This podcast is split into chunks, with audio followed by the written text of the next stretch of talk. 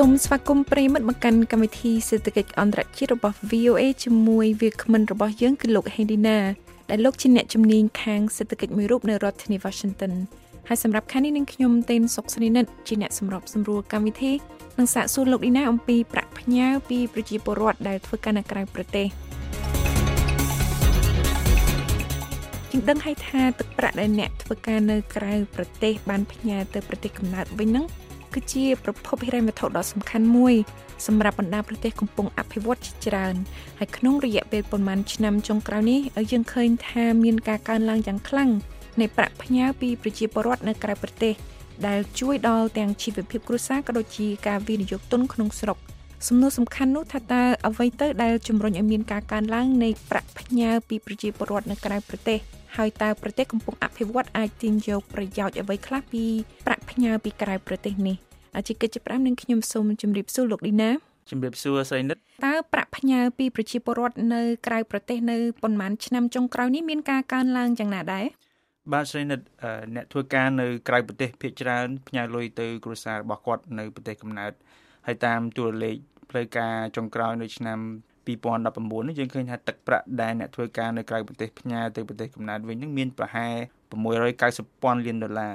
ក្នុងនោះប្រទេសកំពុងអភិវឌ្ឍទទួលបាន550ពាន់លានដុល្លារចំនួននេះបើយើងមិនរាប់ប្រទេសចិនចូលទេ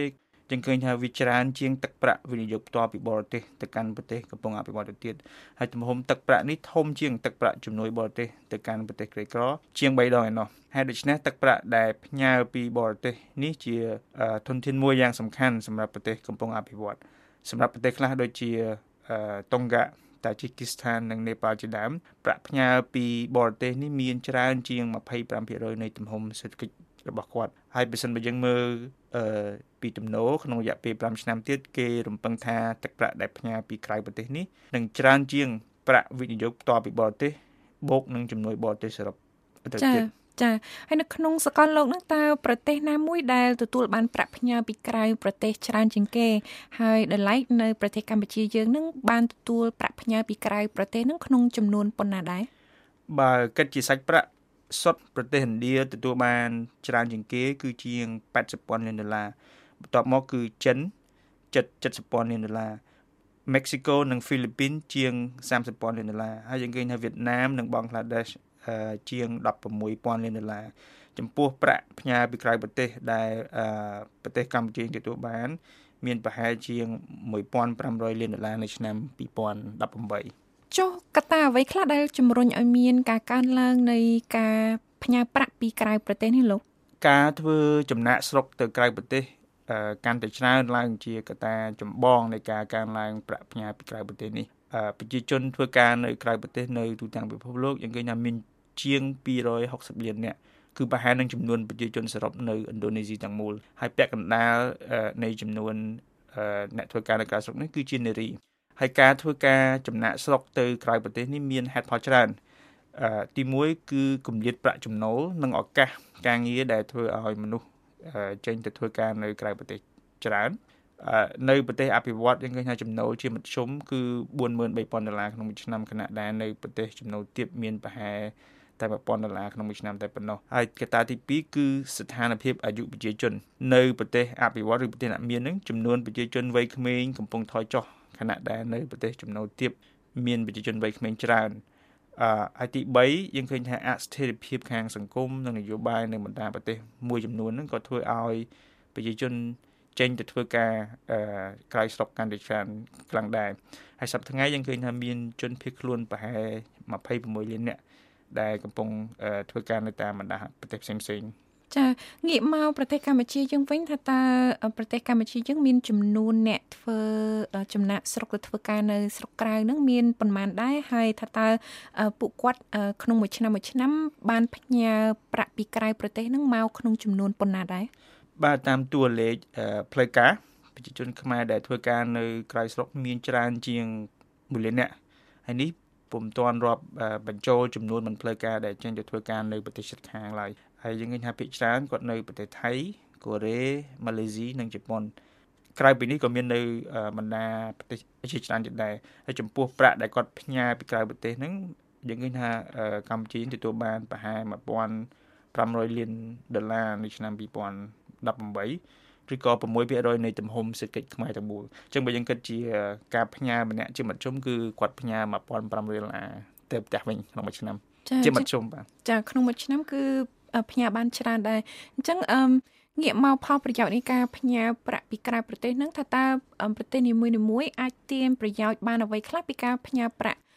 ក្រៅប្រទេសនេះចា៎អឺបាទសេរីប្រាក់ ផ្ញើពីក្រៅប្រទេសវាជាធនធានមួយយ៉ាងសំខាន់សម្រាប់កាត់បន្ថយភាពក្រីក្រពីព្រោះប្រាក់ទាំងនេះវាបានផ្ដល់ដល់គ្រួសារផ្ទាល់វាខុសពីប្រាក់ជំនួយបរទេសដែលហូរកាត់ស្ថាប័នផ្សេងៗច្រើនមុនទៅដល់គាត់ហ្នឹងហើយទី2គេតែងនិយាយថាប្រាក់ផ្ញើពីក្រៅប្រទេសជាជាលុយឬជាប្រាក់ដែលមានបេះដូងពីព្រោះអ្នកដែលធ្វើការក្រៅស្រុកគាត់ផ្ញើលុយទាំងហ្នឹងទៅដើម្បីជួយគ្រួសារនិងការវិនិយោគនៅក្នុងស្រុកគាត់ឬស្រុកកំណើតគាត់ហ្នឹងហើយវាខុសពី ការវិនិយោគបរទេសឬក៏លុយដែលផ្ញើដែលដែលហូរកាត់តាមធនាគារទៅហ្នឹងគឺប្រសិនបើមានភាពមិនស្រួលឬក៏អស្ថិរភាពសេដ្ឋកិច្ចអីលុយដែលគាត់ផ្ញើពីក្រៅស្រុកហ្នឹងគឺចូលកាន់តែច្រើនព្រោះគាត់ផ្ញើទៅដើម្បីជួយគ្រួសារគាត់ខុសពីលុយវិនិយោគបរទេសដែលអាចហូរចេញត្រឡប់ទៅវិញក្នុងករណីដែលមាន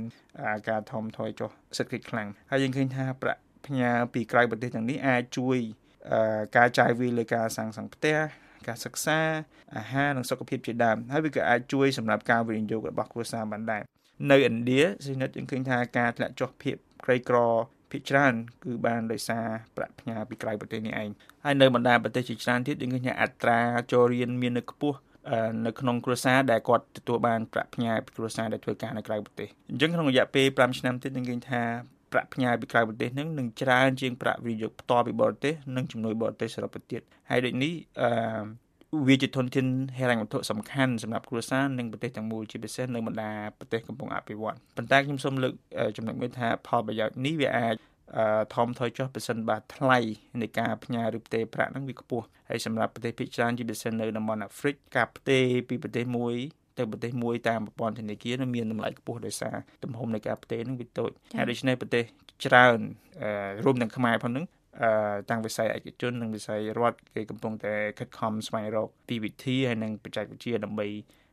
ជួយកាត់បន្ថយថ្លៃផ្ញើប្រាក់ឆ្លងកាត់ប្រទេសឲ្យបានច្រើនទៀតចាចាសូមអរគុណច្រើនលោកឌីណាបាទសូមអរគុណច្រើនស្រីនិត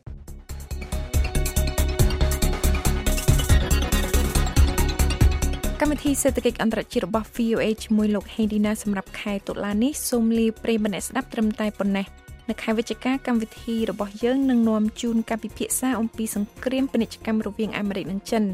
លោកអ្នកនាងក៏អាចស្ដាប់ភាពផ្សេងៗទៀតនៃកម្មវិធីសេដ្ឋកិច្ចអន្តរជាតិរបស់យើងតាមគេហទំព័រ khmer.voanews.com/worldeconomy និងតាម Facebook facebook.com/voa ខ្មែរខណៈពេលនេះនាងខ្ញុំតេនសុកស្រីនិតអ្នកសម្របសម្រួលកម្មវិធីសូមជម្រាបលាប្រិយមិត្តហើយជួបគ្នានៅខែក្រោយ។